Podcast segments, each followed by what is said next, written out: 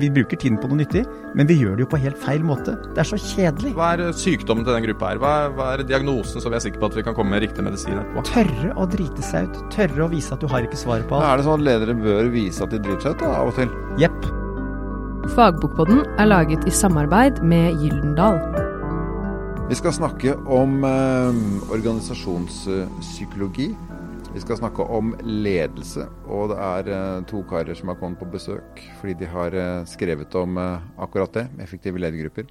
Henning Bang, doktorgrad i psykologi, og Thomas Nesse Middelfart, som er, må klare seg med psykologspesialist i dag. Velkommen begge to. Tusen takk. Dere har snakket om utfordringer for ledergrupper og, fremholder fem punkter, hvor det første punktet er at lederne faktisk, når de samles, ikke er enige sjæl om hva de skal og hva de er. Ja, så Det med ledermøtene blir jo ofte en følgefeil da, av at man mangler et eh, tydelig formål med gruppa, eller ikke er enig om hva man skal eh, drive med, bruke tida si på. Det fører jo ofte til at man, medlemmene sitter og frustrerer seg over at vi bruker tida på feil saker, at man eh, ikke tar opp de problemstillingene som er de mest relevante osv. Så sånn at veldig mange ledergrupper opplever at tiden de har sammen i ledermøtene, ikke i hovedsak, men en mye en stor del av det oppleves som uproduktiv, bort, bortkasta tid. Ja, for hva med ledere som føler liksom at ja, nå skal jeg i ledermøte, nå er det ledergruppa i en time, det har jeg egentlig ikke tid til. Jeg har for mye å gjøre, og i den gruppa så skjer det jo ingenting. Altså, kost-nytte av bruk av tid virker meningsløs for Mm. ganske mange mellomledere, er jeg helt overbevist om. Eh, hvorfor det? Ja, Det er jo først og fremst, vil jeg si, at de ikke har de riktige sakene på agendaen. Så handler det også veldig mye om Jeg tror veldig mange ledere frustrerer seg enormt over at de sitter og hører på de andre vise powerpoint slides eller lange prestasjoner, mye informasjonsdeling. ikke sant? Så man etter fem minutter så sitter hele forsamlingen i transemodus, mens et eller annet du er på slide nummer 42. ikke sant? Det som virkelig gode ledergrupper gjør, da, i, i motsetning til dette der, det er jo selvfølgelig Man kan ikke unngå informasjonsdeling, det er viktig det òg, men de bruker tiden til det vi kaller de produktive konfliktene. Få dratt de sakene, belyst de fra ulike ståsteder. Tenker, Fy søren Henning, du, han kom med helt andre perspektiver, resonnementer, leder en annen enhet enn meg. ikke sant? Det er jo utrolig nyttig hvis vi klarer å få til at vi får revet og slitt og dratt de sakene. Det er jo da man virkelig skaper merverdi som, som gruppe, da, istedenfor å sitte og høre på hverandre. Altfor mange grupper har en tendens til å bruke for mye tid på å sitte og høre på hverandre, istedenfor å, å få de saksuenighetene og de produktive konfliktene som er det som flytter sakene framover. Da, som er der hvor gullet i ledergrupper ligger, da, kan du si. Anders, får jeg prøve også å svare på spørsmålet ditt også? Jeg synes det, var så levende. Jeg så for meg denne mellomlederen som er så dritlei og kaster bort en time i uka. på Det er disse noen av de. Jeg, hvis jeg skulle forenkle det helt, så mener jeg det den eh, svaret på hvordan skal jeg få den glederen til å glede seg til den timen, det er egentlig to ting. Det ene er hvis den lederen var sikker på at det vi brukte tida på i den timen, var jævlig viktig og nyttig. Og to, måten vi snakker om det på. For det innimellom hender det at jo, vi, vi bruker tiden på noe nyttig, men vi gjør det jo på helt feil måte. Det er så kjedelig. Så hvis vi bruker tiden på noe nyttig, og vi greier å snakke sammen på en måte som gjør at jeg kjenner at dette var veldig vel anvendt tid, dette var utrolig nyttig, det, det er det hele hemmeligheten. Eh, det er der hemmeligheten ligger. Og der er disse fem utfordringene som Thomas og jeg har identifisert. Vi mener at der ligger hemmeligheten. Det er fem snubletråder. Ledergrupper må komme seg over, holdt jeg på å si, takle. Og greier de det, så kommer den mellomlederen du snakker om, til å glede seg til det times møte en gang i uka. Jeg har bare lyst til å kjapt ta kortversjonen av disse fem punktene, så folk vet hva vi snakker om her. Fordi at eh, Punkt én er manglende enighet om eh, ledergruppens funksjon, formål og saker. To er at de er ineffektive disse møtene. Og tre er at det er en samling enkeltledere som ikke er samkjørt som et team. Og fire er relasjonsproblematikk og manglende psykologisk trygghet. Og fem lite eller ingen åpen refleksjon over egen fungering. Og da har jeg lyst til å hoppe rett til punkt fire, dette med relasjonsproblematikk og psykologisk trygghet. Det tror jeg alle kjenner på. Det er jo kanskje den lille 'skal jeg si noe nå?' eller 'nei, jeg føler meg litt teit', så jeg holder heller munnen, og så burde jeg ikke gjort det. Altså følelsen av å faktisk kunne få lov å fungere da, uten å bli spent beint på. Eh, hva skal ledergruppens leder gjøre? Dere er psykologer begge to. Eh, Henning er doktor, til og med. Eh, for å fjerne den type hinder. Mm. Jeg ble veldig lykkelig at du hoppet på punkt fire nå. For det, det, er jo en forutsetning for å få til de gode møtene. ikke sant? Så det burde ligge som punkt to. Vi har så god kjemi, sier vi. Ja.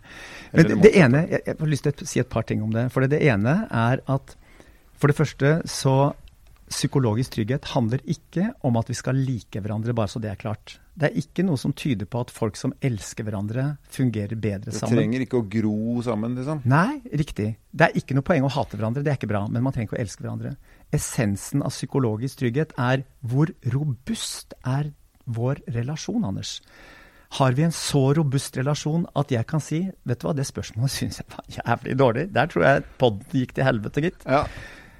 Eh, er relasjonen så bra at jeg kan si vet du hva, jeg er veldig usikker? Det, det, her veit jeg ikke svaret på spørsmålet. Så eh, robusthet i relasjon som gjør at jeg kan si hva jeg mener det er viktig at blir sagt i denne gruppa. Uten å føle at fallhøyden er for stor. Yes, helt riktig. Uten at det kommer til å straffe seg. Og du stilte et veldig fint spørsmål, du gikk rett på ballen. Du sa Tusen takk. hva kan, Kjenner vi bygger relasjon her. ja, Ja. hva kan en leder gjøre for å øke den psykologiske tryggheten? Flere ting, men noe av det viktigste en leder kan gjøre, for det er lederen av ledergruppa som sitter med den første nøkkelen her, er selv å rollemodellere atferd som viser psykologisk trygghet. Sagt med litt mer konkrete ord. Som leder så må du vise at 'jeg er ikke sikker', 'jeg tviler', 'jeg er usikker'. Kan dere gi meg tilbakemelding? Syns du svarene mine tilfredsstiller kvaliteten du ønsket på denne podkasten, Anders? Tørre å drite seg ut. Tørre å drite seg ut. Tørre å vise at du har ikke svaret på alt. er det sånn at ledere bør vise at de driter seg ut da, av og til? Jepp. Slett bare for å vise at her er det lov å drite seg ut, og så går vi og tar en kaffe etterpå, så er alle glade? Ja, så lenge ikke du hører det som så pervo som du sa det nå, altså, så er alle glad. Nei. Jeg sier heller ikke at ledere skal falle ned på gulvet og bryte sammen i krampegråt og fortelle om de mest skammelige tingene de har opplevd i livet sitt. Det er ikke det vi snakker om. Alle ledere er jo mennesker. Alle mennesker. Velkommen i klubben av mislykka, som driter seg ut av og til, som tar feil av og til. Ikke vær så jævla redd for å si det. Nei. Og så tenker folk, Når man tenker på trygghet, så, så tenker ofte folk på at det er liksom, jo da, når man, da kommer man inn i ledergruppa, så skjelver man som aspeløv hele gjengen hvis det er en veldig utrygg eh, gruppe. Og i noen grupper så er det jo sånn at, de, at folk er utrygge på hverandre og, og um, derfor holder tilbake og sånn. Men, men det som er interessant, er at det er veldig mange grupper som vi jobber med, som har det utrolig hyggelig sammen. Stemninga er kjempegod. De liker hverandre, og de går og de har verdens beste fredagspils, og det er ikke måte på hvor hyggelig det er sammen. Men nettopp derfor så holder folk tilbake. Jeg gir deg ikke tilbakemelding. Jeg sier ikke hva jeg egentlig tenker om det du gjorde. Eller jeg Nei, for da blir det ikke kos med pils etterpå. Nettopp. Du ødelegger en god stemning, Ja, ja, ja, ja. Ikke sant? Så du har vel så ofte Det er så den negativ. typen. Ja, ja. Faen heller. Og så skal du, og når du begynner å pelle borti meg på hva jeg skulle gjort annerledes, fader, så irriterende det er. Ikke sant? Så da tenker folk nei, faren for å ødelegge den gode stemninga her nå, så velger jeg heller ikke si det. Det høres jo akkurat ut som et ekteskap, egentlig. Altså en familieforhold. Altså Hvis du ikke sier det som faktisk plager deg, så kommer du til å koke over en dag, og så går alt gærent. Eller så trekker du deg, og så blir det ikke noe fruktbart noe av det. Det, det er i hvert fall noen paralleller. Jeg har jobbet som parterapeut i syv og et halvt år og vet noe om det. Skilt én gang. Jo, jeg vet, jeg vet absolutt noe om det. Men, men, men vi anbefaler jo ledergrupper, å i hvert fall en gang i uka, stoppe opp og spørre, eller evaluere ledermøtene sine. Fri meg fra å ha en kone som en gang i uka ber oss ha en samtale om hvordan forholdet egentlig går. Så det er ikke, det er ikke Det kan ha et overslag. Det er det psykologer kaller for metahelvete, når vi hele tiden skal snakke om hvordan vi har det sammen. Og du, du var jo innom det på den femte utfordringa. Det er jo evnen til å være lærende, og det, det er det for få ledergrupper som er. Og så, og så har vi kanskje til gode å se noen ledergrupper som er i overslag på det, men det er liksom når vi hele tiden skal sitte og snakke om hvordan vi har det sammen, det er også, også slitsomt, da. Det blir jo litt introvert også, mm. sånn for ledergruppens del. Altså, det er jo litt navlebeskuende å snakke om hvordan man har det selv hele tiden. Litt, litt vanskelig. Men uh, til dette siste punktet deres, lite eller, åpen, eh, lite eller ingen åpen refleksjon over egen fungering. Altså betyr, betyr det at ledergruppen sitter her og tenker hva er det egentlig vi driver med? Nettopp. Det er så utrolig interessant. Når vi kommer inn og jobber med ledergrupper, så gjør vi ofte en sånn grundig kartlegging, da, både med sånn ledergruppeprofil og vi snakker med folk, for å høre hva er, det, hva er sykdommen til den gruppa her. Hva, hva er diagnosen, så vi er sikre på at vi kan komme med riktig medisin etterpå.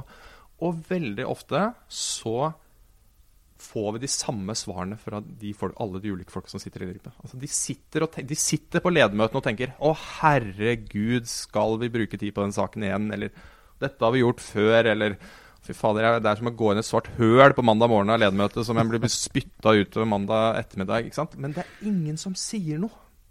Pga. denne relasjonstryggheten? Ja, eller? de syns det er ubehagelig. Og ofte så er det av og til at for det handler om det er ikke noe arena for det heller. Lederen har aldri sagt at nå må vi snakke om hvordan vi jobber sammen, om vi bruker tida på de riktige sakene, eller om det er den mest hensiktsmessige måten og, og at, som vi strukturerer arbeidet vårt på, eller om vi koordinerer arbeidet vårt godt nok mellom ledermøtene osv. Det er ikke noe arena for det. Det er ikke noe eh, rom for å kunne adressere det. Og så syns folk det er ubehagelig, og så holder man tilbake. Og så sitter alle og tenker på det samme eller sitter med mye av de samme opplevelsene. Så dette handler jo om at altså den, Hvis du skal liksom plukke ut én ting av alle disse utfordringene her som vi snakker om, som skal til, virkelig til for å bli en effektiv ledergruppe, så handler det om evnen til å kunne stoppe opp. Oppdage hvordan man fungerer. Ta tak i det som funker. Fortsett med det, men også juster på de tingene som ikke funker. Da garanterer vi deg at du kommer til å bli bedre. Jeg, jeg er veldig fascinert av hvor, hvor langt det sitter inne og si det er ting som ikke fungerer i samarbeidet mellom oss. Det er ting i møtene våre som gjør at jeg har sittet nå i det siste året og tenkt dette er waste of time. Ikke sant? Ikke bare for å ventilere, det er nå én ting. Hvorfor har du ikke sagt når det har gått en måned? Hvorfor venter du et år? Helt riktig. Og det som er, skjer greia, jeg går ut sammen med Thomas. Thomas og jeg veksler blikk på vei ut og sier nok en gang skjedde det. Ja. Og så sier vi til folk fint, dere har snakket med hverandre om det. Har du sagt det til lederen av ledergruppa? Nei, for guds skyld, jeg har ikke gjort Hvorfor ikke det? Nei, tror ikke hun er interessert i det. Tror ikke han er interessert i det. Tror det blir destruktivt. Tror han blir blitt sur. Mm. Så at vi, vi, holder disse tilbakemeldingene som gjør at vi har mulighet til å bli bedre, altfor ofte inne. Og kanskje noen også har erfaring at jeg har prøvd en gang, og det gikk jo ikke bra. Så det prøver vi ikke oss på en gang til. Men det høres ut Vi diskuterer jo ledermodeller. ikke sant? Den norske modellen som er flat struktur, alle skal være venner, det er ikke noe eh, diktatorisk i, i, bedriften, lite frykt osv. Det høres ut som det er en modell du er nesten nødt til å ha da, for å kunne få det, disse tingene som dere snakker om nå, til å fungere? Man kan ikke ha en fryktkultur og så forvente at folk skal være åpne og, om sitt mulige dårlige resultat. Jeg tror ikke jeg skjønte den, eh, den linken der. Altså og Jeg lurer på om dette er en sånn klassisk misforståelse du målbærer nå, sånn at psykologisk trygghet betyr at ingen skal være redd for alle er like. og ingen... Jeg kan godt ta den posisjonen. Ja. Nei, er veldig, det er det motsatte. Husker du jeg sa til deg at det dreier seg om robusthet i relasjonen mellom oss? Ja. Det vil si at psykologisk... Da må jeg stole på deg, jeg må ikke være redd for deg hvis du er sjefen min. Nei, relasjons... Eller, psykologisk trygghet handler om at jeg kan si til deg Anders, jeg syns du gjør en crappy jobb nå. Mm. Og det kan jeg si om jeg er sjefen din. Jeg kan si om jeg, du er sjefen min, så kan jeg si det. Jeg syns du leder møtene på en crappy måte. Nå setter jeg litt på spissen, jeg er litt tøff i trynet nå. Men like fullt, har jeg en relasjonell trygghet med deg som gjør at det kan jeg si uten at jeg mister de kredpoengene som gjør at jeg kommer til å få den jobben jeg lurer på. Ja, så det er ikke likhet. Eller du kan mis, misforstå, og så løper jeg rett til min sjef igjen gråtende over at Henning er så tøff i trynet og har en retorikk overfor meg som jeg ikke fikser. Nettopp. Og da, og da si du, Er det du eller jeg som har misforstått da? Jeg vet ikke hvem som har misforstått, men jeg vil si at da Når har vi tøff. Nei, da har vi ikke den psykologiske tryggheten vi burde ha, som skulle bære den typen tilbakemelding. Mitt poeng er at det er ikke lett å vite om man har den. For det er jo i hvert fall en tosomhet som skal til. Helt enig. Og hvordan, og hvordan godkjenner man det overfor hverandre? Jeg tror heller jeg vil spørre hva kan vi gjøre for å, for å bli så trygge på hverandre? Det eneste vi kan gjøre, vi kan ikke bare snakke oss frem til det og si vi ønsker å være så trygge. Det jeg må gjøre, jeg må tørre å gi deg den tilbakemeldingen. Du må tørre Altså, jeg må se at den isen bærer når jeg gir deg den tilbakemeldingen. Du må si til meg Det syns jeg var en veldig destruktiv måte å gi meg tilbakemelding på, Henning. Og jeg kan si eh, Hva var det som var så destruktivt med det? Er det måten Skulle jeg sagt det på en annen måte? Altså, vi må tørre å gå inn i det rommet. Istedenfor å vente på at vi skal ha så stor trygghet at vi tør å gå inn i det rommet. Men Hvordan sørger man da Thomas, for at den døra til det rommet er åpen, og at det er tydelig for alle i en organisasjon? Ja, altså Du kan jo risikere at du får en dynamikk som eh, er inn, altså inn et hjul som går mot, eller feil vei, holdt opp til en spiral som, du, som, du, som eh, går nedover. Men, men, i utgangspunktet så er det akkurat det som Henning sier. at det, den, det som er paradokset med trygghet, det er at den beste måten å utvikle tryggheten på i en gruppe, det er å begynne å gjøre de tingene man gjør når man er trygg på hverandre. Så man må begynne å gi hverandre tilbakemeldinger. Man må begynne å vise sårbarhet. Altså Den beste måten å bygge trygghet på en gruppe, det er å begynne å si 'Jeg vet ikke.